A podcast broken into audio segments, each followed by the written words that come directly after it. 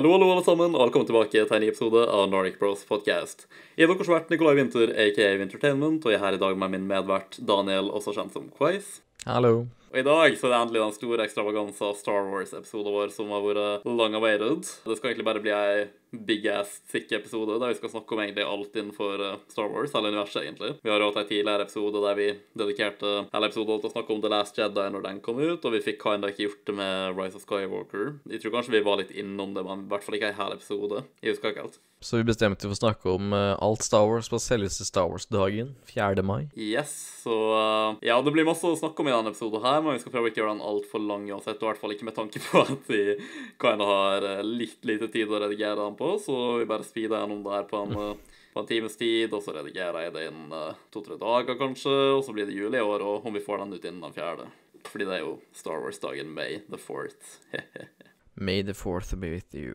OK, så jeg antar at vi bare går gjennom filmene, egentlig, eller filmer og serier og alt etc. i eh, kronologisk rekkefølge, tror jeg blir best å gjøre det på. Fordi Ja. da kan vi på en måte diskutere historie og sånne meninger at den skal bli fortalt, om det er mening. Mm. Så eh, ja, først det som starter alt, kinda. Star Wars episode Star Wars episode 1, The Phantom Menace, eller eh, Den skjulte trussel, som det heter på godt norsk. Ja, det var certainly en skjult trussel, med tanke på at veldig mange var hyped for den, og en del folk var skuffa over den, selv om vi liker at prequelser, men det ikke alle ser det. Men uh, ja, det er jo starten av alt Anakin Skywalker som skal bli Darth Vader, en liten uh, babychild, og du har han yngre Obi-Wan Kenobi, og hans mester Qui-Gon, osv., osv. Hva syns vi om The Phantom Menace, Daniel? Den er god for hva den er, men den passer ikke min aldersgruppe, på en måte. Jeg har vokst litt fra den. Jeg så jo Star Wars masse senere enn eh, de aller fleste, og så følte jeg liksom kinda ikke like godt med som jeg burde første gang jeg så det og sånn, og jeg var veldig sånn Jeg, jeg visste liksom ingenting på forhånd, da, så jeg var liksom ikke så hyped. Så første gang jeg så alle filmene, så var jeg kinda liksom med om dem, eller noen var bra, andre var litt sånn Ja, you know. Eh, pluss at jeg så det i lag med mange andre òg, de eh, første tre i hvert fall. Så det var sikkert masse, masse snakking og sånn. Men jeg hadde jo en sånn eh, stor Star Wars rewatch på Disney Pluss når det endelig kom til Norge, og den har jeg relativt nylig blitt ferdig med, og da har jeg sett liksom absolutt alt som er canon, da, med unntak av spillene og den aller nyeste animerte serien og sånt. da. Og da, når jeg så det for andre gang med litt sånn informasjon fra før og sånn, og Jeg vet ikke, jeg klarte å nyte alle filmene egentlig masse, masse mer andre ganger, da, inkludert uh, Phantom Menace og ja, alt egentlig. Pluss at jeg så en del eh, sånne tie-in-ting som ikke jeg har sett før til å begynne med. da. Nei, jeg så det jo ikke en film her som noen av det første som jeg så, for jeg så jo de originale tre først, eh, altså fire, fem, seks, for dere som ikke vet det. Altså, jeg så jo det i, ja, skal vi si starten av titallet en gang, sånn sett, altså jeg var jo en ni, ti, elleve rundt der når jeg så første gang. Men da husker jeg at jeg likte den filmen mye bedre enn hva jeg gjør nå, selv om det er veldig mye bra i den og sånn, det er ikke en dårlig film, men det er den filmen som er mest egnet for barn på de fleste måter, egentlig. Spesielt med bruken av Jar Jar Binks og alt sånt der som comic relief. Ja, gud, ja. Så det er ikke at jeg har noe så mye imot den filmen, det er bare at jeg er blitt liksom vokst fra den, da. Blitt litt for gammel for den, sånn sett. Men liksom, jeg ser den gjerne igjen, sånn, da. Ja, den har sine øyeblikk, og den får definitivt mer hat. Den fortjener det, folk tar litt vel hardt i med den, men ja, Jar Jar er irriterende at folk liksom, og server ikke en sånn veldig stor purpose, føler jeg. Um, eller han er jo litt viktig til historien, sånn, men det er sånn de kunne fortsatt gjort det på en helt annen måte, da. Han er jo mest der for comic release, relief, som du sa. Release. George Lucas ville jo originalt at det skulle være filmer for barn, og men det var liksom noe som viste så passe til flere aldersgrupper enn bare barn. da. Den er litt sånn, Star Wars er litt sånn for alle på en del områder, i hvert fall. Og det ble jo på en måte etablert med den første trilogien. For dem som ikke vet det her, så Episode 4, 5 og 6 er jo de første filmene som kom ut, men det er 4, 5 og 6 fordi at det kom prequels i senere tid, og da ble de kalt episode 1, 2, 3 og sånt, for å få historien til å være mer sammenhengende med et ordentlig start- og sluttpunkt på den måten. Der antar jeg at folk vet, selv om jeg bare sier det. Obviously spoilers for folk som ikke har sett Star Wars denne episoden her. Du, burde, du er kanskje litt ekstra interessert i Star Wars om du hører på det her, antar jeg. det burde du i hvert fall være.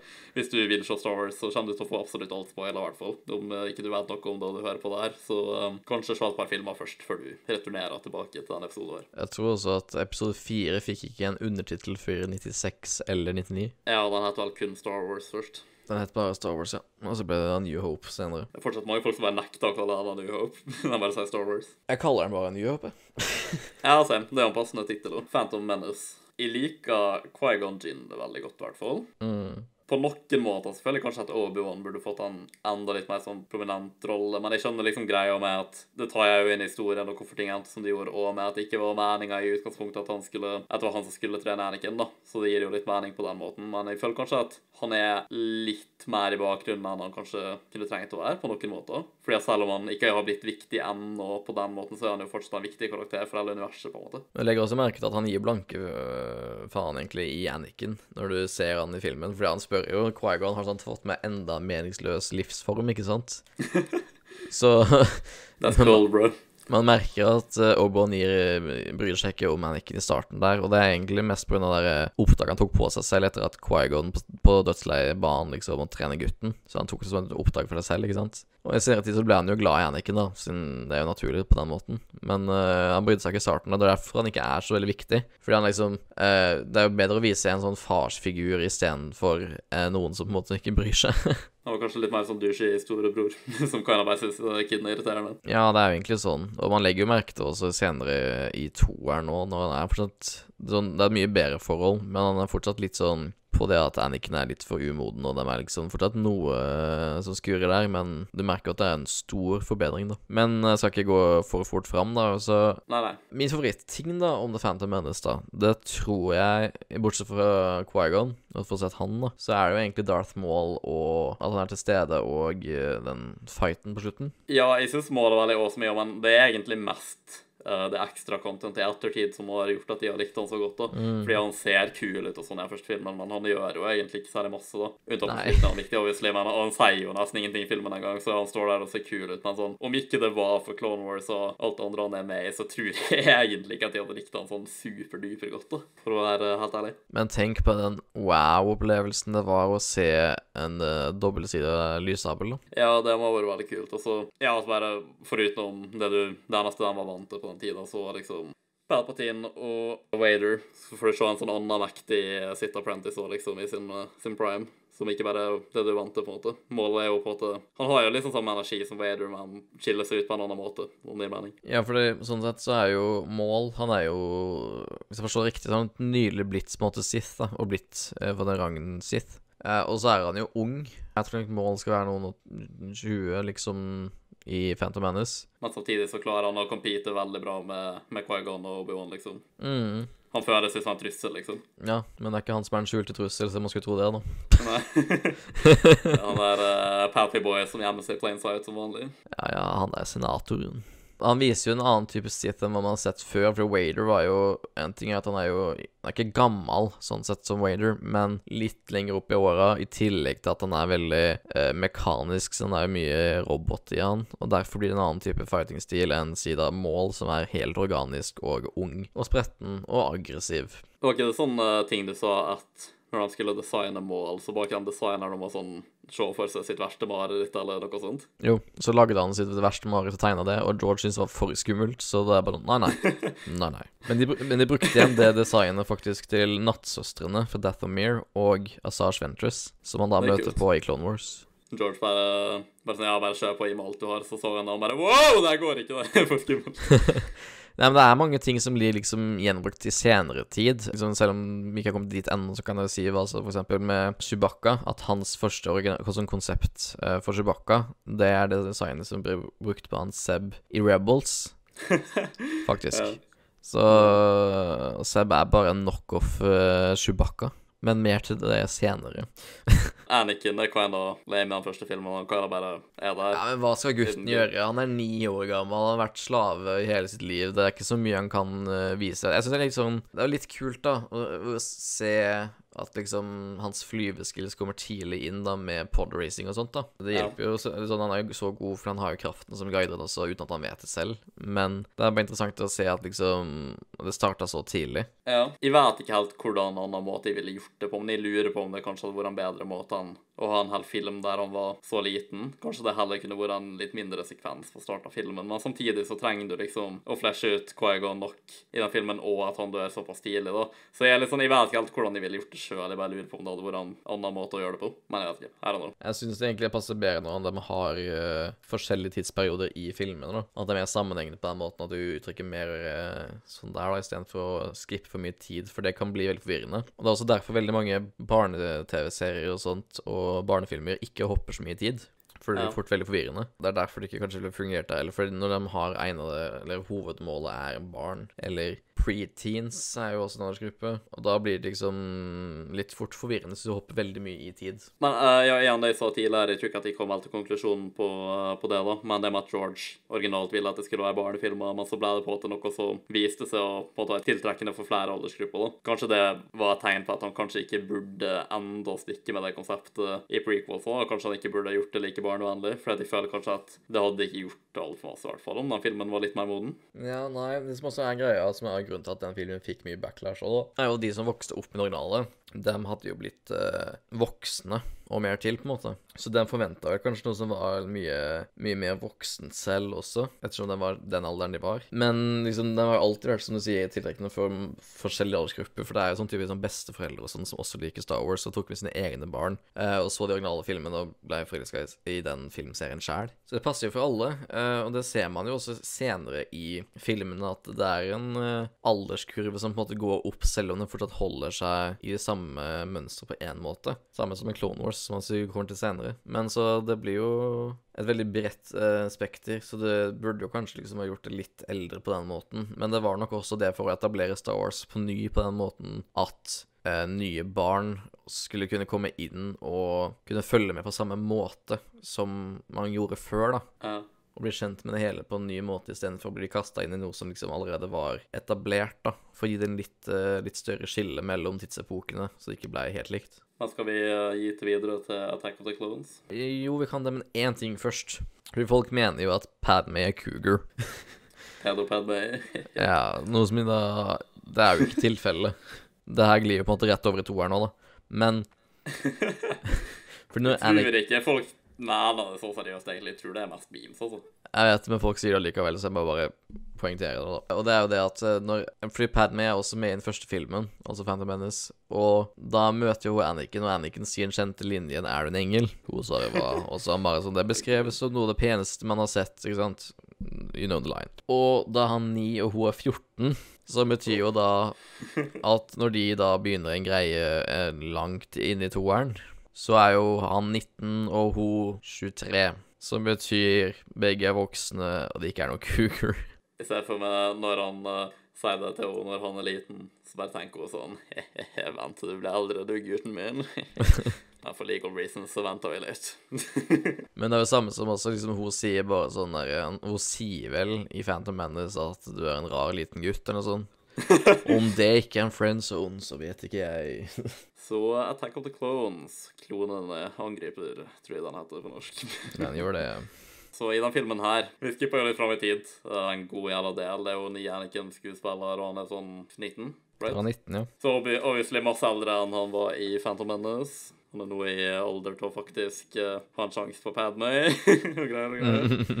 Ikke at Jedis har uh, lov til det, da. Fordi det er vel sånn at de ikke skal gifte seg eller være i romantiske forhold og sånn. For some reason. Jedi er jo munker, så da er det no go på noe slikt forhold. Det er jo Vennskapsforhold er jo litt i grenseland, det òg. Så selvfølgelig, du skal ha venner og alt sånt der, og stole på Jediene rundt deg, liksom kunne være venner med dem, men man skal liksom alltid være klar for å gi slipp, da. Så man må aldri binde seg til en person på egentlig noen som helst måte i den forstand, om du skjønner hva jeg mener. Ja. Det er komplisert. Og det at Anakin har vokst opp i alle de åra her med det tankesettet, og sikkert ikke fått særlig sjansen til å være rundt så mange ladies og sånn. I hvert fall ikke med, med slike tanker i hodet sitt. Så kan vel det sikkert forklare hvorfor han er så jævla creepy og snål, og snål rundt Padme når de er forenes. Ja, fordi når jeg tenker over det nå, så blir det her samme som jeg kommer til å snakke om i noen videoer som kommer framover på min egen kanal, da. Jeg plugger plugge litt her. Men Daniel er tilbake, alle sammen. Ja, faktisk.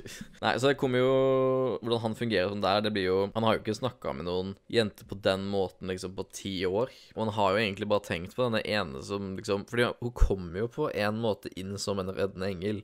Det gjorde jo for så vidt Quaigon òg, da. Men nå skal det jo sies da at Natalie Portman er eh, penere enn hva Liam Neeson er, da. ja, det tror jeg vi kan være enig i. Men liksom når du sa at han hadde tegnet på i alle de åra, liksom. Uh. Se for meg Anakin når han er sånn 15-16, bare sånn Tenk tilbake til når han møtte henne da han var ni år, han bare The one who got away. Ja. Så den kommer jo inn som den reddende engel på den måten, hvis jeg skal vri til den forstand også, da. Og da har han egentlig bare hatt øyne for henne som han ikke har møtt på så lenge. Og når det endelig liksom kommer til det at han skal liksom få oppdrag å passe på henne, så kicker jo de følelsene inn. For én ting er jo at han er jo 19, så portretten og alt sånt der, så det kicker jo inn generelt. I tillegg til at til motsetning til de fleste jedier som har liksom vært i tempelet siden de var babyer, så kom jo Anakin da han var ni, og hadde allerede lært seg å bygge relasjoner på den måten som er naturlig, og liksom å bli glad i folk som er den naturlige måten i virkeligheten, da. Eh, Til motsetning til hvordan det er for disse rommunkene, da. Så liksom Man får jo vite at til og med at de som har vært Jedi hele livet, liksom kan uh, oppleve det samme, for det er naturlig. Men det er liksom bare litt mer uh, sterkt for Annick på den måten, med tanke på at han er liksom vant til noe helt annet fra før av. Når han da møter henne igjen, og alt bare kicker Ja. inn igjen. Ja, kanskje han får litt sånn der uh, Et ord som så fint han der Marshall Eriksen fra How I Met Your Mother tok opp et begrep som heter revertigo. At uh, når du møter noen fra fortida di, så kan da reverte du litt uh, personen du var når du kjente den personen. Ja, det er bra han ikke Kanskje gikk tilbake til å være en ni i huet, da. Det hadde vært noe rart. Nei, men du skjønner hva jeg mener. Ja, jeg skjønner hva du mener. Så jeg tror det også da bygger liksom til den følelsen som var når han liksom ble sluppet fri for de åra tilbake igjen, liksom, ikke sant. Den frihetsfølelsen kan jo også gjøre mye i tillegg, da. Jeg tror det vi prøver å si, at vi skjønner og forstår hvorfor Anakin er så jævla weird i toeren, men det betyr ikke at det ikke er veldig cringe å se på. Det føles jo nesten mer naturlig enn hva mye annet sånn teen romance-greier gjør også. For mye av de tingene virker som at ting går altfor perfekt. ja, sort of. Anniken møter jo veldig mye motstand i den toeren, før han får Padmay, liksom. Ja, det er sant. Men om vi går litt tilbake her, da. Toeren er jo en av filmene som kanskje får mest hate. Det er folk som syns han er dårligere enn han første òg, liksom. Jeg hører ofte at folk sier toeren er den kjedeligste filmen og sånn. Men uh, honestly, andre gang jeg så den, jeg likte den veldig godt. Jeg syns den var underholdende gjennom så å si hele tingen. Uh, den plukka òg opp masse mer i andre halvdel, men eh, sånn fra et narrativ så er ikke det en dårlig film, liksom. Sånn, jeg, jeg liker liksom måten det er på med Main Quest-oppdraget, og i tillegg i bakgrunnen så finner vi jo mer ut om det som skal lede opp til klonekrigen, når Obi-Wan blir sendt ut på sånn oppdrag for å etterforske greier og sånn, og kommer til å komme inn og finne ting mer, mer ting der, og jeg, jeg, liker filmen, jeg, bare syns at obviously noen av effektene og sånt er jo age en del, det er jo det i seg sjøl, men det blir ikke mye om, da. Dialogen er dårlig, rett og slett, jeg skal ikke sugarcoate det, den bare er dårlig. Men selve narrativet i seg sjøl, historien, var ikke dårlig, liksom. Så dessverre så er prequels litt sånn bedre i teorien enn de er utført på en del områder. Men jeg klarer liksom fortsatt å se det for det det er ment for å være. om, det, om du skjønner hva jeg mener. Men jeg føler liksom at det verste ved filmen er det at det er så cringe og awkward å se på at pluss plutselig skuespillerne har ikke så masse kjemistri og sånn, og selv om jeg vet at de ble på en måte instruert på en veldig sånn spesifikk måte til hvordan å skuespille og sånn, og George Lucas bare er ikke så flink til å skjønne hvordan ekte mennesker snakker og sånn.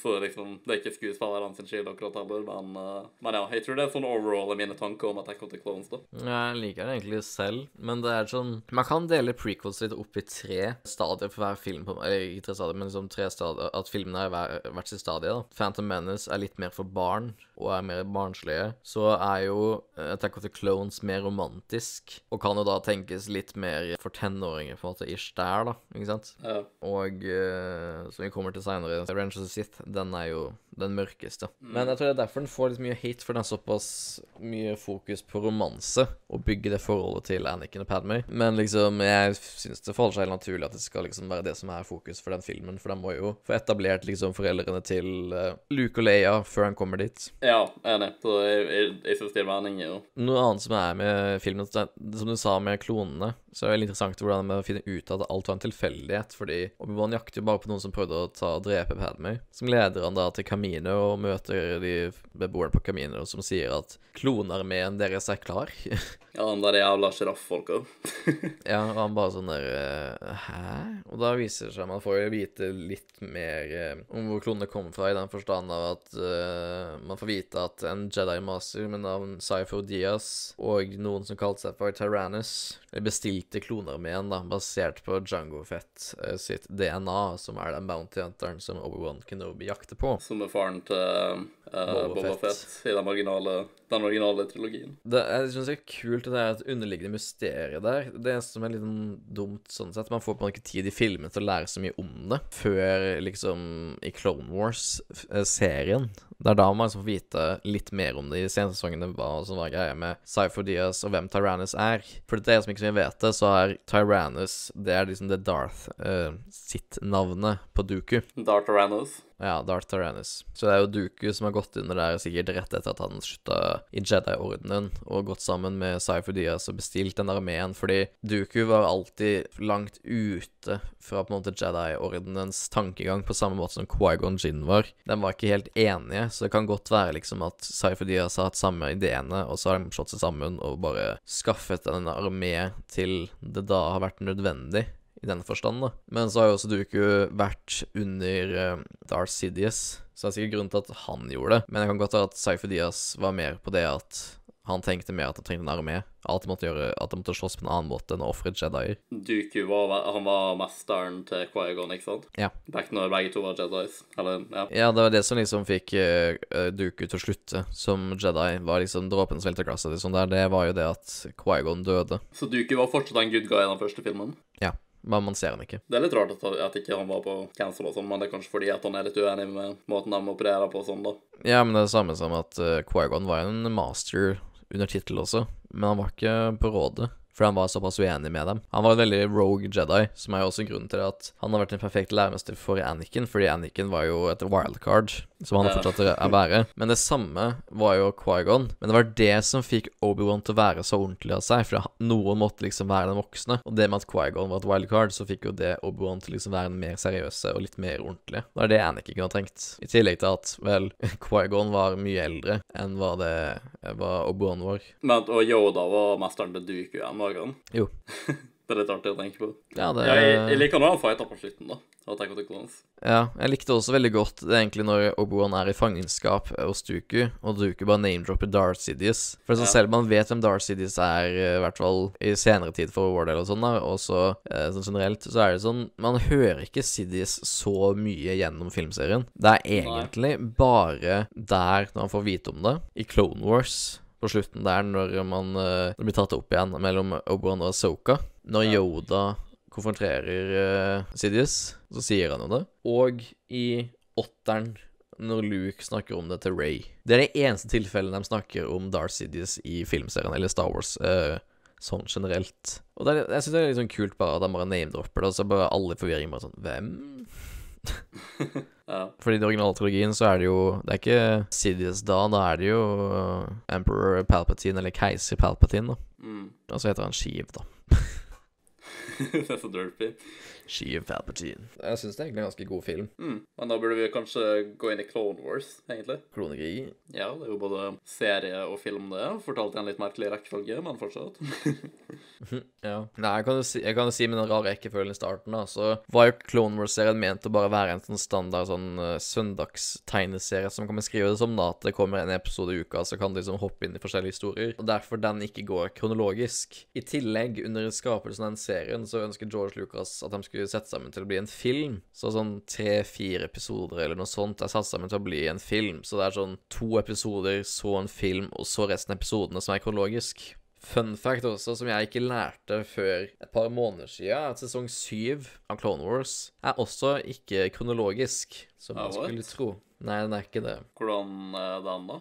Eh, vent litt nå. Den er kronologisk fra en sånn sesong fem Nei, fire, fem og seks, tror jeg. Men sesong sju så er ikke Bad Batch det som skal skje først. Det er noe som skal skje sist, tydeligvis. No, what? OK? Ja, fordi Det var i eh, helt rett rekkefølge. Nei, det trodde jeg også. Men ei venninne av meg hun fulgte den samme lista som jeg gjorde når jeg så kronologisk i Clone Wars. Men hun fulgte med på den videre selv når det kom sesong syv. Og da sa hun at eh, det var ikke kronologisk der engang. Og da var jeg helt i sjokk, fordi jeg Ja, kanskje først, da, for faen.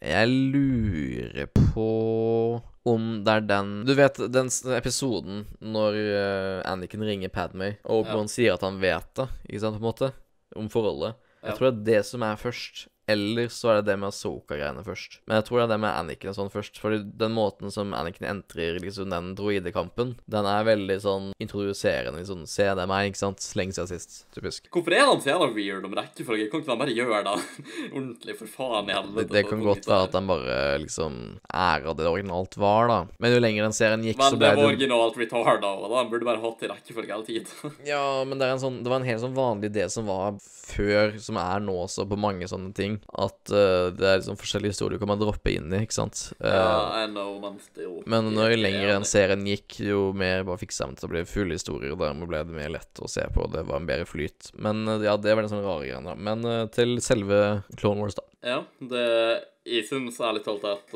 Clone Wars og Mandalorian uh, Jeg tror det er legit den beste tinga i hele Star Wars for meg, i hvert fall. Jeg syns Clone Wars er kjempebra, i hvert fall. Når folk snakker om prequelsene, og jeg snakker om det med folk, og jeg sier at de liker dem veldig godt, egentlig, til tross for at de er litt flawed Jeg mener Clone Wars òg, egentlig, når jeg sier prequelsene. Og på en måte så Sånn som en venn av meg, da. Han påpekte det at uh, en ting som vi er egentlig ganske enig med i prinsippet, at uh, hvis noe trenger fullt av sånn ekstra additional content for å kunne bli bra, eller for å kunne bli forstått riktig og sånn, så er det egentlig kind of for dårlig, fordi at ting burde klare å stå på egne bein, liksom. Så jeg er liksom enig med det i prinsippet. Men jeg bryr meg kind ikke om det, selv om jeg er enig med prinsippet i akkurat det tilfellet her, med tanke på at Clone Wars er så jævla bra òg, liksom. Ikke bare er det veldig bra i seg sjøl, men det gjør uh, resten av prequels masse bedre òg. Ja. Spesielt treeren. Jeg elsker den serien selv, og det jeg vil bli tegnet som en av de beste animerte tingene som jeg har sett. Og så liksom Den starter veldig sånn på samme måte som prequels i seg selv. Starter veldig barnevennlig og litt sånn der, men gjennom Jar og årene Jar Jar etter. Ja, men med, med, gjennom årene så utvikler den seg nøyaktig som den burde, for den utvikler seg sammen med de seerne som begynte å se på den i 2008. At den eldres med dem. Og den ender jo med å være like mørkt som den filmen som kom i kronologisk etterpå, som er 'Range of the Sith. Yep. For å si det sånn, noen siste scenene i Clone Wars eh, sesong 7, som er siste av Clone Wars-serien generelt, er Darth Maul som løper rundt i rivende dører som bruker til å kaste inn i kloner, kutte dem hodet, armer og alt sånn. Ja, det var awesome. Ja, du, du får det ikke mørkere i Star Wars-format sånn der. og det er en veldig ja. grotesk tanke sånn sett, hvis du tenker på hva som ligger da foran han der. Så jeg bare elsker at den liksom vokser med stjernene og liksom ser at barn som det eldres, istedenfor bare å holde det samme mønsteret igjen. En annen god serie som blitt vist også i, er jo Avatar, der du kan se den samme aldringen med stjernene sine. da mener vi altså Airbender-tingen, ikke den der jævla blå folka. Bare for å gjøre Ikke det den blå, anim blå folka, den animasjonsfilmen fra 2009. Vi snakker om den animasjonsserien fra 2005 med en skalla liten gutt med pil på huet som temmer alle elementer. Eh, ja. En ting jeg liker med Clone Wars veldig godt, er at Eller det er mange ting, men uh, det at de tok uh, Du vet, det, det er jo alle de her uh, Universet er jo masse større, på en måte, i prequels i forhold til de originale. Det er masse mer levende i den tidsalderen. Og det gjør jo da at det er veldig mange nye karakterer og folk som får dette litt i bakgrunnen, da. Og det, det er så mange random ass Jedier som ikke man visste en dritt om og på en måte ikke brydde seg om og sånn på en måte noe særlig først i prequels da. Men så klarer de faktisk å flashe dem ut til ordentlige karakterer i Clone Wars, og da blir det liksom når du ser dem dø i Order 66 og 6 også, så bryr du det masse mer, da. Det blir enda tristere, liksom, fordi at du har faktisk vært på eventyr hele episoden og dedikert med de folka her, og fått vite hva slags personlighet de har, og de er ikke bare sånne random bakgrunns-Jedis lenger, liksom. I tillegg til originale karakterer som har blitt fan-favorites, og noen av de viktigste karakterene i hele jævla serien, sånn som Ahsoka Tano, liksom. Tydeligvis hadde Anakin en Padawan også, som ikke så i prequels, og det er faktisk, de klarer å få det til å gi masse mening også, at ikke vi fikk show på den måten. Um, Hun starta liksom som en sånn bratty liten kid helt helt i starten i filmen, liksom, og så utvikla hun seg Ja, som, som, sånn som du sa, da, at man vokser litt opp med serien, liksom. Det ser man jo på Soka òg. Hun er jo en liten kid i starten og vokser opp til å bli mer voksen og moden og en ordentlig Jedi, liksom, som folk faktisk liker veldig godt. Ja, det, det er rart hva tre år med krig gjør med deg, liksom. Ja, ja. Nei, men det gir jo så mye personlighet til selve klonene også, og det gjør det jo mye mer sårt når du måte ser dem drepe Ja. Jediene som de har fulgt også, fordi klonene har alle det, ja. hver sin personlighet i tillegg, liksom. Og du får vite forskjellene på dem og lære om dem, og liksom Det er mye mer- forskjell man skulle tro, og det blir liksom så mye personlig. Og det er sånn Ja, når du bare ser dem skyte ned sine egne kommandører, liksom, der, og det er sånn der Nei, men dere var jo så gode venner, og alt sånn. Kronene er jo også med jeg må jo ærlig innrømme at når jeg ikke hadde sett Clone Wars, liksom, eh, og sikkert fortsatt om jeg ikke hadde sett det, om jeg bare hadde oversett det på det, eller ikke visst, om det, visst om det, så hadde det sikkert vært enkelt å gå i den fella at sånn Ja, ja, hvem bryr seg om klonene? Men bare som basically samme person, og nesten se på dem litt sånn som roboter, liksom. da. Mens når jeg har sett Clone Wars, er det sånn ah, Hvordan kan du si de klonene klonene? De egne personer. Ja, liksom, du, du blir glad i alle klonene individuelt, og de har litt De gjør jo sånne ting for å endre litt på utseendet sitt for å skille seg ut. og Ja. Sånn som Rex er liksom en av mine favorittkarakterer nå. Og Ja, før så ville jeg bare sikkert sett på han som en av mange randome klonene, og jeg hadde sikkert trodd at alle hadde samme personlighet og alle pakka, liksom. Og noe som er så trist, eh, sånn trist også, er det at du følger en klonebataljon, som, eller bataljon, men en gruppe, som du ser for den går fra kadetter og blir en del av uh, republikkens militær og alt sånt der, fra starten av liksom og til sånn der. Og så ender det med at alle dør én etter én gjennom hele serien, liksom, med langt mellomrom, men det fortsatt er sånn Å, det er sånn trist når du ser liksom hvor langt de har kommet i livet og liksom klart seg, og så bare sånn dør de. Fordi de kommer nærmest på. Jeg synes noe av det tristeste er story arc and The Fives. Ja. Fordi at han, eh, han var jo en av klonene som faktisk begynte å forstå at noe var galt, da, lenge før noen andre egentlig. Han begynte å etterforske det her, og for, det, for alle andre så virka det som at han begynte å go rogue og bli helt gal, liksom. Men han var jo faktisk inne på noe, han fant jo nesten ut om eh, hele komplottet til Sidious, da. Men dessverre så klarer han ikke å få det ut til is ordentlig, og han, og han ender opp med å dø, da. Ja, for det starta jo med at eh, en annen klone kalt Tupp tok livet Ja, av en right. eh, Jedi, og de satte jo han i forvaring. Men Fives skjønte jo ikke hva som var galt, han skjønte jo at det var noe som var galt, men han måtte finne ut hva det var. Men så gikk det såpass langt at Five så ut som at han var gal, og liksom eh, gikk til angrep på sine egne brødre, så han ble jo dessverre drept uh, rett før han fikk sagt noe til Anakin og Rex. Og det det er sånn det, det er også veldig sånn kul ting med Clone Wars, synes jeg, at på slutten av de siste sesongene så er det sånn Det er så små ting som skal til for at ting hadde endt helt annerledes. Og det er et av de tilfellene, det er jo det at Fives dør der, og hemmeligheten dør med han. Ja, og Rex eh, skjønner jo på slutten, han sier jo liksom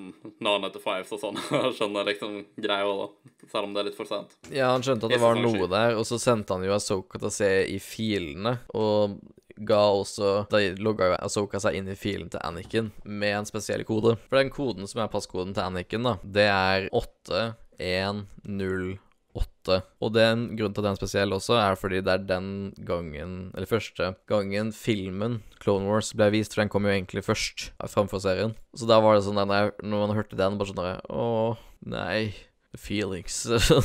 det er sånn at man øh, at Det er så interessant at det er den koden som da har blitt Anakin sin. Men derfor var minnet sånn tilbake til at det var da Clone Wars starta. Og det var liksom tegn på sånn Så langt har man kommet. Ja, sånn, er, sånn, er. Okay. Mm, så det betyr liksom 10. august, som er liksom den første gangen det ble vist i 2008. Men det her med når eh, Fives prøvde å avsløre ting òg, det viser jo liksom forholdet, hvor nært det var, og tilliten mellom Jedis og, og klonene òg, da. Fordi at det var jo veldig, veldig farlig for Fives å gjøre det farligere enn han visste, sikkert. om. Jedis hadde jo overraskende masse tillit til han, og sånn som Horsak 10, for eksempel, hjalp jo han masse ut av trøbbel og sånn, og, og ga han mange sjanser og sånn, og hun hadde også litt sånn ekstra ansvar på Camino, virka det i hvert fall sånn. Ja, hun hadde det? Hoshak 10 er hun som uh, basically samme art som Asoka, bare eldre. du ser henne Ja. litt i filmene da. Hun er en sånn Togaruta, samme som Asoka, med høyere sånn øh, Skal vi si hodehaler, da. Og så har hun litt mer hvit sminke som jeg tar litt mer plass i fjeset enn hva Asoka sin gjør, da. Ja, og så var det og ikke Ja. Og rød. Hvor mange hudfarger har den rasen egentlig? Jeg kan sjekke Går det an at de er blå og sånn òg, eller? Jeg mener jeg har kanskje sett det. Det er ikke Jo. så viktig, da, men Togrutas, Togarutas den kan være blå, oransje, røde, hvite eller gule. Jesus. Så det er litt sånn som den arten til Maul, som er en Sabrak, eller en Dathomirian Sabrak. Fordi liksom Maul er jo ikke rød og svart. Det er svarte tatoveringer. Han er egentlig helt rød. Nesten alle er gule, da. Ja, flere av dem er med sånn, for man møter jo også broren hans, eller to av brødrene hans, i Clone Wars. Der bare den ene overlever til han, frem til han blir drept av Sidious, eh, når han fighter sammen med Darth Maul. Og jeg syns det var noe av det mest awesome i uh, Clone Wars. Ja, eller før det her, egentlig, da. Det er kanskje obvious uh, thus uansett. Men Maul dør jo i Phantom Menace, men han blir på en måte resurrecta i Clone Wars, da. Han somehow overlevde.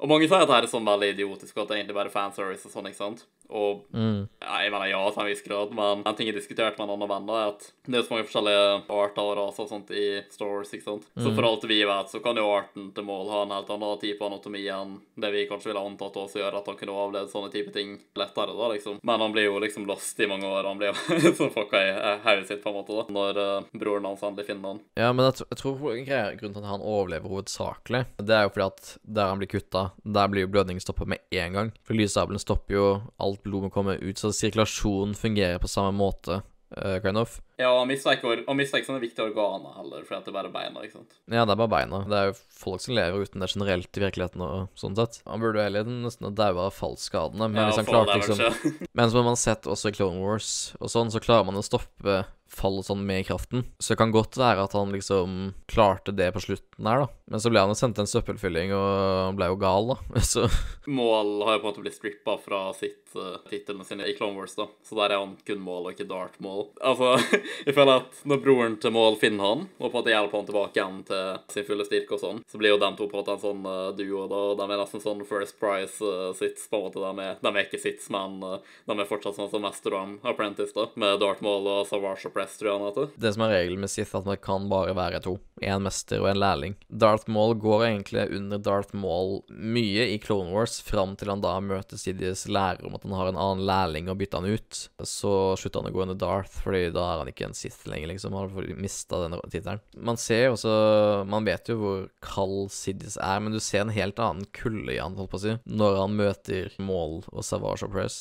På Mandalore. Ja, for han gnir sånn skikkelig inn det at du er bytta ut, og det vil være en som bytter, bytter den ut snart igjen, og sånn der. Ja, og det er, uh, det, det er noe av de mest awesome øyeblikkene som vi kommer tilbake til nå, da. Når vi fikk endelig se Palpatine reveale seg sjøl litt som Eller liksom, ja, være skikkelig Sidious, da.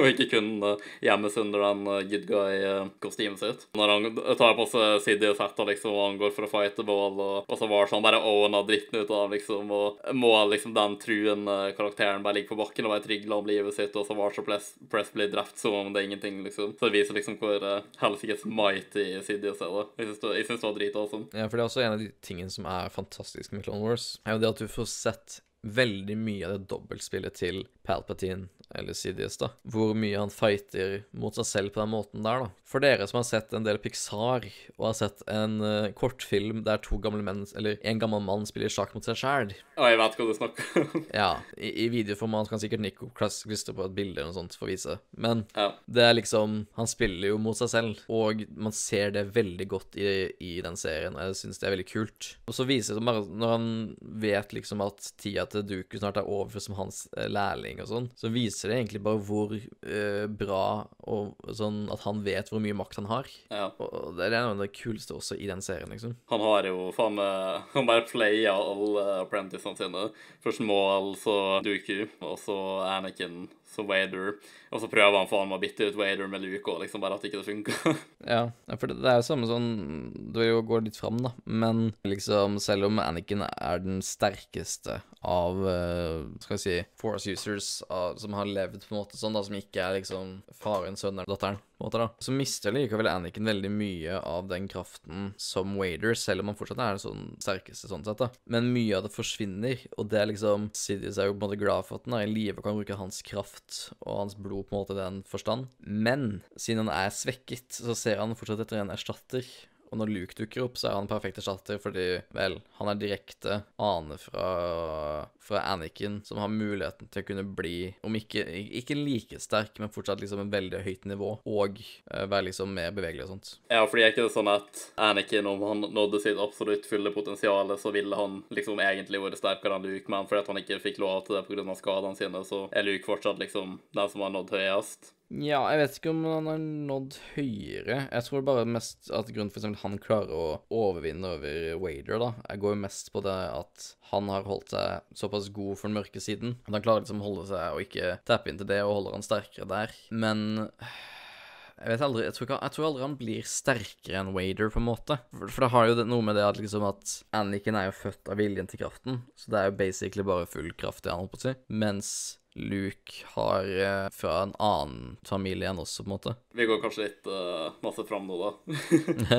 Ja. Det er i hvert fall uh, vil si om Clone Wars før vi går videre, at uh, mange tenker jo at er barneserie fordi at det er en animert serie og sånn, men først og fremst den er jo 100 canon, og den uh, tar jeg inn veldig godt uh, mellom episode 2 og 3, og den er egentlig veldig, veldig viktig for hele universet, liksom. Det er nesten sånn, når jeg har sett det, så tenker jeg liksom at hvordan kan folk bare se Star Wars og, bare, og bare ikke vite om alt som skjer i den jævla serien der, liksom. Uh, mange tenker at det er en barneserie også fordi at det er animert, liksom. Og ja, den er litt mer barnevennlig i starten, men den vokser jo på en måte med publikum, og det er noe jeg merka veldig, som så alt sammenhengende lenge etter at det kom ut. Eller sesong 7 eller 9 det kom ut, men fortsatt. Men eh, altså, det er uansett en ekstremt dark serie, til og med i starten starten på noen plasser.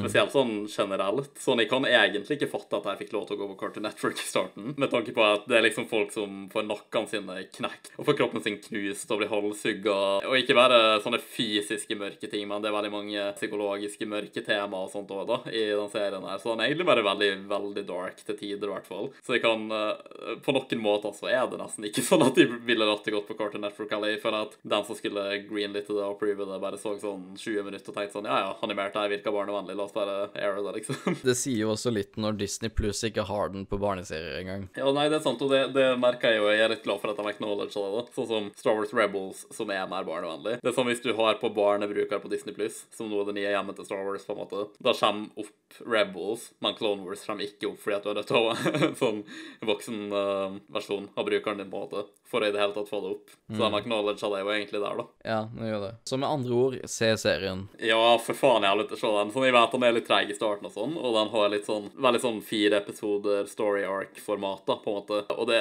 det er litt filler i den serien her og til tider, og med tanke på at det er liksom sånn at alle arcene må være fire episoder, sånn som regel. Altså hvis du først er på en litt kjedelig arc, så må du kind of deale med det en god del episoder og sånn. Så kan være litt kjedelig til tider. Det første som kommer til mind, det er kanskje sånn den arcen med bare druider og sånn for det meste, hvis du vet hva jeg snakker om. Eh, også de younglings altså skal finne lightsabers og sånn for første gang. Sånne type ting syns jeg var litt kjedelig. Men så bare gjør de så jævlig opp for det. Fordi at det er sånn når det først er bra, så er det så jævlig latterlig bra, liksom. Sånn som en av de beste arkene før slutten og sånt òg. Når han var på den der skyggeaktige planeten, jeg husker ikke hva han heter. Det var for det meste klona i de episodene, men det var en sånn der eh, ond Jedi-general som bare sånn ble sånn veldig sittete, liksom.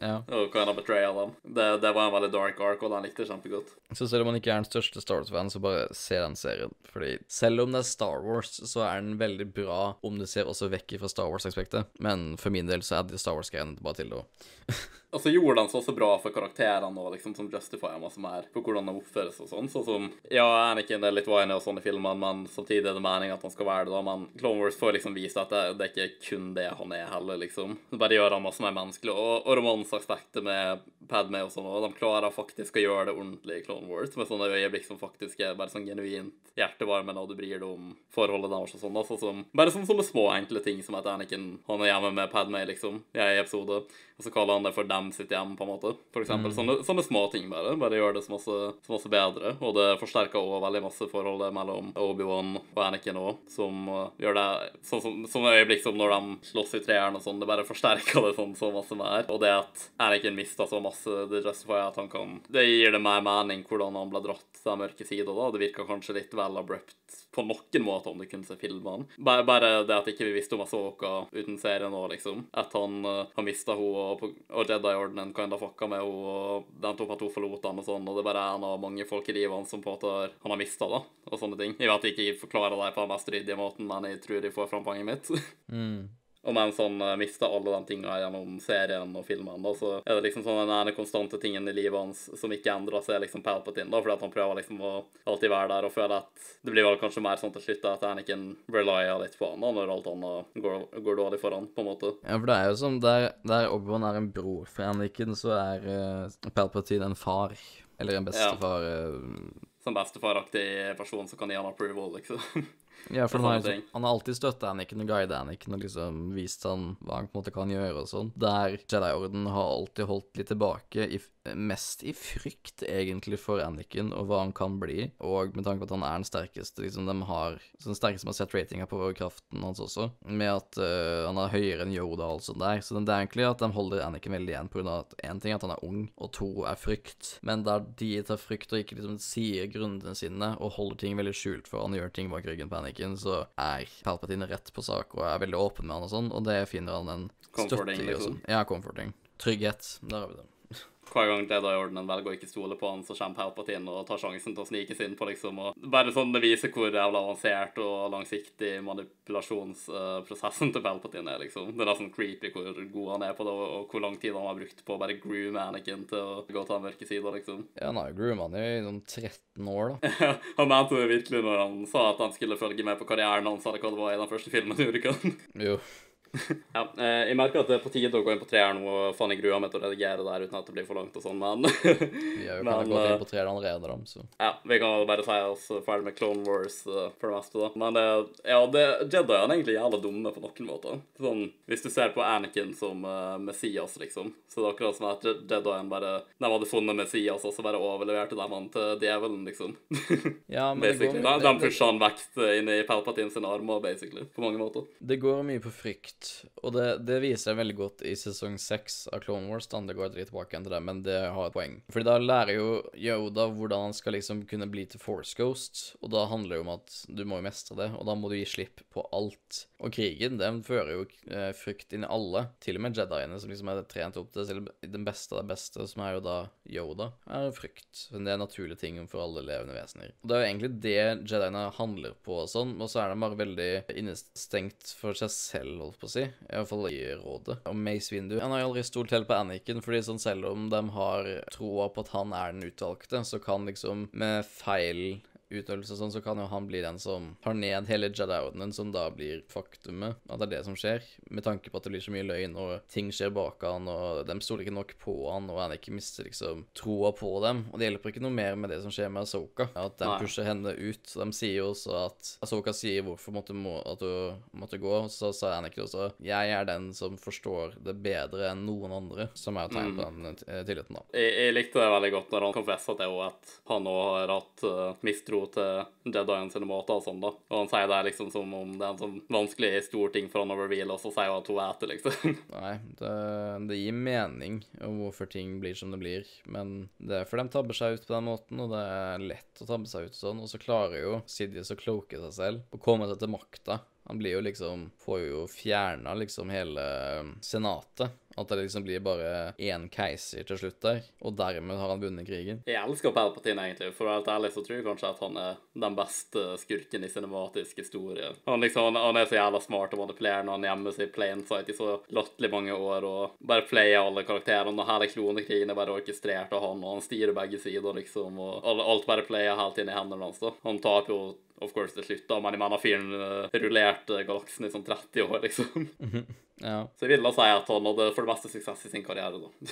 Jeg, jeg likte i hvert fall ekstremt godt hvor bra Clone Wars slutta å ta inn i Revenge of the Sith, da. Mm. Det er jo som vi har snakka om, at vi kunne tenkt oss å sette en redigert sammenversjon av uh, siste sesongen og uh, treeren, egentlig. Ja, det er sånn, vi vet at det fins, vi har bare ikke fått tak i det ennå. Men liksom, Clone Wars slutter jo eh, godt inne i treeren, egentlig, etter Order 66. Så vi får sett alt fra begge perspektiv, liksom, fra Anakin sitt og Asoka sitt, som er veldig kult. Originalt så skulle det vel bare slutte med starten av treeren, egentlig, at de dro for å redde keiseren. Men jeg er egentlig glad for at de heller gjorde det sånn som de gjorde her. Jeg likte det veldig, veldig godt. Ja, same. Treeren er jo min favoritt-Star Wars-film. Min òg. og står veldig høyt generelt av filmer. Sånn generelt, for min del. Det er ikke en perfekt film, men den gjør det den skal egentlig ganske perfekt. Man ser liksom Sånne ting føles jo kanskje at det går litt fort, med tanke på sitt fall og hvor, uh, hvordan han blir Wader, men liksom man glemmer at i selve filmen så går det over lengre tid enn hva man ser på de to timene. I tillegg til at det er så mye som har leda opp til sitt fall og hvordan han blir Wader, og Spesielt som du ser serien, liksom. ja, og så liksom Man skjønner godt hvorfor han gjør det, for han vil jo prøve å redde den sånn Den nærmeste personen han har i livet sitt, som er kona si. Fordi han får en misjon om at hun skal dø når hun skal føde. Og så er liksom Han kan ikke sitte til Jedi-orden, for den vil bare kaste han ut ettersom at Mest sannsynlig ettersom at han har brutt Jedi-koden, liksom. Kodeksen. Men liksom da Sidious bare Eller Palpatine da tilfeldigvis bare sånn Jeg har løsninger på dette. Har du hørt tragedien om Darth Darth Plagueis, den viser. Ja, den viser. Og han bare Nei, nei, den har jeg ikke hørt. Og han bare Nei, det er ikke en historie du har hørt fra Jediene. Og så er han egentlig bare Ja, jeg, er Sith nå, men Ja, nå skal du høre, gutten min. Satt deg på fanget mitt. Ja, for det, sånn, det som er greia, da, at det er én scene spesielt som er grunnen til at Jediene feiler, og det er Mace Windu sin feil. Fordi når Anakin da finner ut hvem som er den Sith lorden, at det er Palpatine, så vil han gjerne overrekke liksom til, til Mace og hjelpe han i det. Men liksom Mace bare 'du har gjort nok', som er jo en naturlig reaksjon til sånn at han skal gå videre. Liksom føler urettferdig behandla der. I tillegg til at han lever fortsatt med den troen om at Sidious er den eneste som kan redde Pa- eh, som også er en grunn til at han tørner og går fullt over til det. Ja, han uh, skulle vært Ray og bare randomly lært seg å forseale uten grunn. Tenk hvor lett alt hadde vært da. Mm. Ja, det er jo en evne du må ha hvis du kan eh, ha vært liksom på den mørke og den lyse siden. Vi skal snakke mer om det når vi kommer til sequels, som han så retarda og det discredita som masse den originale historien. og At to bare sånn randomly lærer seg eller sånn I don't know, liksom. Jeg mener, hvis det var så jævla lett, så hadde ikke Anakin trengt å bekymre seg engang. Ja, nei, det er det. og Quaigon. Ja, det, det er sånn Ifølge sequels er bare sånn Ja, fuck you til alle de karakterene dere var glad i som døde. De døde uten grunn, sånn basically. Mm. Ja, ja, OK, whatever. Vi kan ikke gå inn på det nå. Men uh, det som er så herlig med prequels, da, i tillegg til at det er en veldig veldig bra konstruert historie, alle memes og jeg, jeg føler liksom at folk hata på han når han først kom ut, og så gikk det over til å sånn kinda ironisk like dem veldig godt på av alle memesa, fordi hver eneste jævla setning i hele trilogien er en meme på en eller annen måte. Og så ble det sånn type blanding, og så ble det nostalgia av folka som var små da de kom ut, vokste opp med dem og sånn, og så Og nå bare sånn genuint liker folk dem. Og spesielt da sequels er så dårlige som de er, så bare klarer folk å appreciate prequels masse mer. Fordi at de, de hadde i hvert fall uh, en plan. De hadde liksom De fortalte historien sin på en ordentlig måte, de prøvde å gjøre noe nytt, liksom. Ja, faen, skjønner du hva jeg mener? Ja, ja.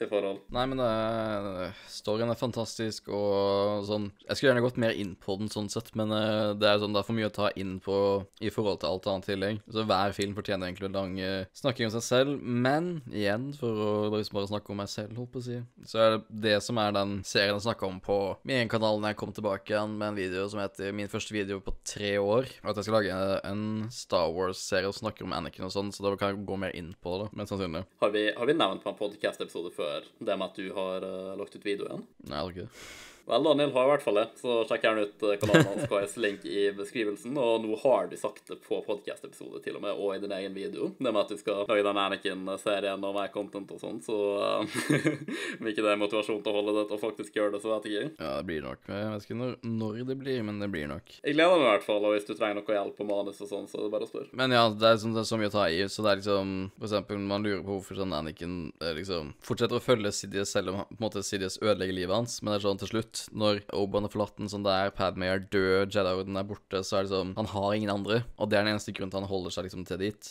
eh, Til, til Sidious. Det kan være sånn som sånn abusive forhold, liksom. Du, du bare blir snill abuse og hater å være med personen du er med, men personen du er med, bare sånn Ja, tror du noen andre hadde holdt ut med det?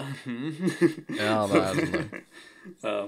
Og så ville han bare blitt drept eller fengslet han går tilbake til republikken uansett. Det er egentlig veldig, veldig trist, hele den eh, hele historien til Anakin. Eller Star Wars. sin er latterlig trist fra start til ende, liksom. Starter som slave, blir kind of Jedien sin slave. Ikke med vilje, tror jeg, men det blir liksom I det med at liksom de må lære seg å stole på han, og det er frykt og alt sånt der, så blir det liksom bare litt av seg selv. Til at han dør noen og 40 år gammel i armen til sønnen sin når han endelig har blitt befridd. Jeg føler at jeg liker så godt Anakin og historien hans, fordi at liksom Han er en så kompleks karakter, liksom. Det er ikke sånn at han bare er en bad guy, eller at han bare er en good guy, liksom. Han har så mange kontraster og sider til, så du skjønner hvorfor han er som han er, liksom. Jeg Og, skal si hva det heter. Å være menneskelig. ja, ikke sant? Han er en veldig menneskelig karakter. Det er ikke sånn at du bare enten er en jævla helt eller en jævla skurk, liksom bare god eller bare ond. Han er liksom en ordentlig et, Ja, et menneske, da, som du sier. Mm. Jeg mener, han kan jo få en del av det sjøl, men som sagt så blir han jo Det er jo veldig mange faktorer som spiller inn i det her, så du kan på en måte sympatisere med situasjonen hans. Han blir jo lurt, han blir grooma, han er ung, han er impulsiv. Det, det er mye som Hvis det blir guida feil, så blir det feil, og det gikk, det gikk alt. Jeg syns så synd på Obi-Wan med å se Ja. hva som skjer med han, liksom. Jeg bare føler at hjertet hans bare blir knust når han ser hva Anakin blir til, liksom. Ja, sånn gjennom bare på de da 13 årene så mister han de to nærmeste menneskene i sitt liv. Tre menneskene i sitt liv. Obi-Wan. Uh, ja. Ja, Quaigon, Satine og Anakin. Ja, og for så vidt Asoka også. Jeg vet ikke om det om at hun lever eller noe sånt også. Liksom blir tatt til å vokte sønnen til sin ja, nærmest bror, og ensomhet og miste alt som man kjenner, og alt normale. Hele serien er det er tragedie for, for Ja, det er rett og slett bare en tragedie. Jeg elsker Revenge of the Sith, og det Jeg, jeg syns første gang jeg så den, og definitivt nå, at det er den beste filmen, og jeg, jeg elsker hvor dark den er, og alle problemer prequels har, har den minst av i treeren nå. De klarer liksom å forbedre på det. Dialogen er ikke like ille lenger. Effektene, masse av det holder seg faktisk ganske bra på han. Jeg syns det ser veldig fint ut, selv om folk fortsatt hater til faen på det. Men sånn, jeg, jeg digger Mustafar-kampen og sånn òg, liksom. Jeg vet det er litt masse. Sånn, jeg har hørt fra folk at der det liksom er litt for lite og noe som mangler når de slåss og sånn i uh, New Hope og sånn, da, ikke sant? De kan jo bare stå og wave litt uh, med lightsabers og sine og sånne ting. Så syns man på en måte at det er litt for masse igjen i prequels, at de bare hopper rundt og tar som 50 saltoer og sånn, liksom, og gjør masse sånne sjuke, insane ting, da, men Så jeg ser den litt, da, men jeg, jeg liker det. Jeg syns det er epic, og det, de liksom, de fighter med en mer sånn innlært eleganse på at når Jedi-ordenen var på sin, uh, sin topp, da, og sånn, så det gir jo mening òg, liksom. Ja, for i prequels så viser Jedien sin S topptrente Jedi som bruker kraften til det fulle og liksom kan slåss og alt sånt der. Til motsetning til uh, originaltrilogien som har en cyborg, en gammel gubbe og en unggutt som har lært fra Gubben. uh, gubben og en grønn dverg i skogen. Det var jo sånn 10 000 eller noe sånt Jedi, eller hva faen det var i prequel-æraen. og... ja, ja. Så der slåss de liksom som om det var en eh, kunstform, liksom, mens i uh, originaltrilogien så slåss de for å holde seg i live, så det blir noe litt annet. Ja, og så er en- Og så en ting som jeg må si om den kampen til Oberon og Anakin, for mange mente de veiver altfor mye med sablene sånn uten å gå til angrep. Men liksom, tenk på det, du går til angrep på din egen bror. Liksom, du vil jo Sånn, Oberon vil jo ikke drepe han. Selv om han vet han må det. Og det er derfor han ser seg liksom, sjansen sin til å gå når han ligger og brenner i hjel, liksom, etter at han liksom basically er død sånn sett. At han håper han skal dø av seg selv, uten at liksom, det er hans eh, blod på hans hender, liksom. Det kan være verre, da, sånn egentlig, men På en måte, men det, sånn- det er jo liksom Han vet ikke helt hva han skal gjøre. Nei, det er sikkert veldig vanskelig for han å ta final blow på han. på få da. Men Ja. igjen så ligger jo han og lider og brenner i hjel. Så det er litt sånn. Ja, men men jeg, får- jeg forstår det. Det er sånn eh, litt straff for hva han har gjort, liksom. Nei, ta søren, jeg. Basically, når folk spør meg hvorfor jeg liker prequels er best Det er sånn, ja, Jeg acknowledger masse av hvorfor de er så flå som de er, men det ligger masse i at de liker bedre tidsæraen. På en måte, Det Det samme universet, da, men universet som det var på den tida. Jeg liker liksom at verdenen er så stor og så levende, og så masse depth og så mange forskjellige plasser og så mange karakterer og sånn, og, og sånne ting, da. Det var liksom da ting var på sin uh, topp, på en måte. Mens det er litt mer tomt. Og, og jeg merka for jeg så det jo i rekkefølge og sånn episodisk, kronologisk, ikke sant, første gangen. Så jeg merka det at jeg, når jeg kom til fi, episode fire, så syns jeg liksom bare jeg var sånn Ja, hva faen er det her, da? Liksom Universet virka så dødt og tomt i forhold til det jeg var vant til. Og sånn, det er liksom stilfullt atmosfærisk på sin egen måte, og jeg liker det òg. Men eh, ja, jeg, jeg vet ikke, jeg bare likte bedre tidsperioden. Jeg skjønner hvordan ting er ment å være, selv om det ikke ble utført på den beste måten overalt. Og så er det Clone Wars og Revenge of the Sith spesielt, da, som bystas masse opp for meg. For jeg syns dem to er så bra at jeg kan tilgi masse av det som ikke er bra, på en måte. Fordi det er sånn når det er bra, så er det så jævlig bra òg. Men jeg, føler, jeg må jo innrømme sånn objektivt sett så føler jeg at originaltrilogien er bedre utført, men jeg liker bedre sånn personlig. Ikke noe sånn hva som er bedre eller dårlig, men sånn om du spør meg bare, så foretrekker jeg den historien de prøvde å fortelle i prequels også, og jeg liker bedre tidsærene og ja, alt det der, da. Så jeg- selv om jeg føler det, det de gikk for i originaltrilogien, ble bedre utført enn objektivt sett. Jeg må bare adde at sånn, uh, Man får sett mye mer uh, i prequelsa av verden, uh, verdensrommet og planeter og alt sånt der, til motsetning til originaltrilogien. Men det går mye på at da er det jo liksom Imperiet er jo basert på Tyskland da, under andre verdenskrig, altså nazistgreiene og sånt. Så det er jo sånn hvis de hadde vunnet, så hadde verden vært helt annerledes. Og da går det jo mer på det at verden er mye tommere, den er mye kaldere, den er mye mindre, og så følger du en eh, rebellgruppe, så de liksom prøver de, Du ser liksom bare hva de opplever og er ute i felten. Så det er på en måte ikke så mye å se i den forstand. Så det er jo det som er veldig greit med prequels, den bygger veldig godt på universet. Du ser mye mer. Jeg skjønner at når du er vant til originaltrilogien og går til prequels også, på noen måter, hvis det er originaltrilogien du ser på som Star Wars, så kan det føles litt sånn ikke Star Wars-aktig ut i prequelsa på en måte, og ja, jeg kan forstå det, men du må jo også tenke på det at in real life òg, ikke sant. Hvis du ser en film som er satt i 2020, liksom, og så skal du se en film som er satt i 1950, så selvfølgelig så kommer det til å være en helt annen atmosfære, fordi det er forskjellige tidsærer, liksom, så det gir jo egentlig bare mening på den måten òg. Det er ikke det at de bare plutselig bestemte seg for å gjøre ting og lage ting på en helt annen måte. Det er det at det literally er forskjellige ærer liksom, i, i det universet sin tid. Ja, og så har jeg hørt at noen har ment at prequels var bare en cash grab. Men Nei.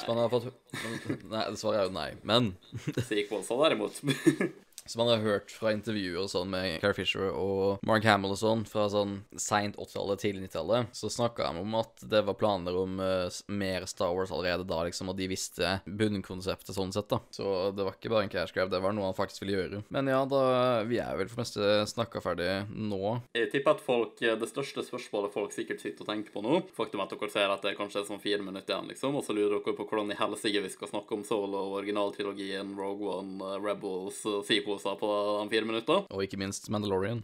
ja, og ikke minst Mandalorian. Og, eh, og svaret er at vi eh, Vi klipper dem sammen og sånt, ikke sant? Men vi kom basically fram til at uh, Vi tror ikke vi har tid til å gå gjennom alt det her, fordi det var veldig interessant å snakke om, og det er veldig masse å snakke om, og veldig masse innenfor alle de mange tingene å snakke om, på en måte. Så i stedet for å gjøre det til en sånn fuckings tre timer lang episode, og vi har da litt lite tid å redigere det sammen nå på, med tanke på at vi skal få det ut 4. mai, så tror vi heller at vi tar og deler inn der sånn æra for æra innenfor Star Wars. Så blir en treparter. Ja, det blir det. Og vi skal ikke liksom spamme med bare sånn fullt av Star Wars-episoder på rad og sånn. Kan være at det blir andre ting imellom og sånn, men vi kommer til å bare gjøre det innenfor uh, reasonable uh, mengde med tid, da. Så jeg, jeg tror egentlig at det blir bare best å gjøre det sånn, fordi at jeg, jeg tror det at vi er veldig interessert når vi går inn i detaljer og sånn på båten som vi har gjort her. Vi kunne gjort det enda mer om vi ville, og jeg tror egentlig at folk syns det er interessant å høre på. Jeg tror ikke at folk vil at vi skal rushe til faen igjennom det og klippe ut sånn over halvparten og sånn. Jeg tror folk liksom Det er det her det, de er her for å høre, da. Selv om det blir litt masse å gå gjennom absolutt alt i episode. Så jeg tenker at det er egentlig bare best for alle om vi eh, deler det opp, da. Så jeg håper folk syns det er OK. Det var ikke planen originalt da vi begynte å ta opp det her, men vi bare kinda innså det. Så det blir nok eh, Det blir ikke bare sånn stor Star Wars univers-podcast-episode, det blir Star Wars prequel-æraen, da, på en måte. Og så tar vi en for original-æraen, og så en for um, da. Ja, for Vi lovte det skulle være alltid én, men det blir jo nesten umulig. Jeg mener, vi prøvde. Vi prøvde, men så kom vi på begge følte underveis sånn der Ja, vi burde heller dele det opp, og det blir lettere enn forstand at vi har litt dårligere tid, og eh, hvis vi skal nå datoer og sånt, så blir det greit. Så blir det sånn der, da. Og så er det jo Det er jo greit da, å glede seg til hvis du liker praten om Star Wars, i tillegg til eh, liksom sånn, Selv om ting er interessant å høre på, så blir det veldig slitsomt å høre på en podkast som går i en halv evighet. ja. Så da er det jo egentlig for det beste at vi bare deler opp som vi fant ut underveis. ja. Og om du ikke elsker Star Wars og ikke bryr deg så masse om det, om du kanskje ikke egentlig bryr deg om Star Wars masse, men har sittet gjennom hele denne episoden her, liksom, så er ikke det sånn at vi kommer til å stemme fullt av Star Wars-episoder, som sagt, heller. Det kommer til å komme andre ting imellom oss, så det er liksom lov å heller holde seg til de eh, vanlige type episoder nå, da. Podden vil forbli like godt og blanda som den alltid har vært. Mm. Om ikke mer. Nei, men jeg tror ikke vi har så veldig masse mer å si om prequel her nå. Det kan hende at det er tema som kommer til å være relevant i de andre episodene er fra, men eh, jeg føler i hvert fall at jeg har fått sagt for det aller meste det jeg hadde på mitt, eh, mitt hjerte om prequels av Clone Wars. Ja, fått sagt mye av det. Altså, Man kommer ikke på alt med en gang jeg løter, så kommer Nei, det senere, og så Å, shit, jeg skulle ha sagt det. Det er jo helt umulig. Ja, Da måtte man nesten ha lagd en filmreview av hver film, og serie, og nesten episode av Clone Wars. Det går ikke an. Nei, det er noe som heter kommentarfeltet, og i hvert fall på YouTube anyway. Så uh, om noen har noen andre ting de vil diskutere, og sånn, så kan det godt være at vi deltar litt i kommentarfeltet der og liksom om folk skriver ting. Jeg, jeg syns det er gøy å bruke tid på, i hvert fall, og det antar jeg at du sikkert gjør òg, Daniel, så, så det er lov. Som sagt, Daniel er tilbake, så sjekk våre private kanaler, spesielt kanskje han sin, den nyeste videoen hans. Takk for at dere så på. Gleder oss til å snakke om Star Wars de andre to episodene, og pluss uh, generelt vanlige episoder der vi snakker om andre ting òg. Så ja, takk for at dere hørte på, og ha det bra. Ha det.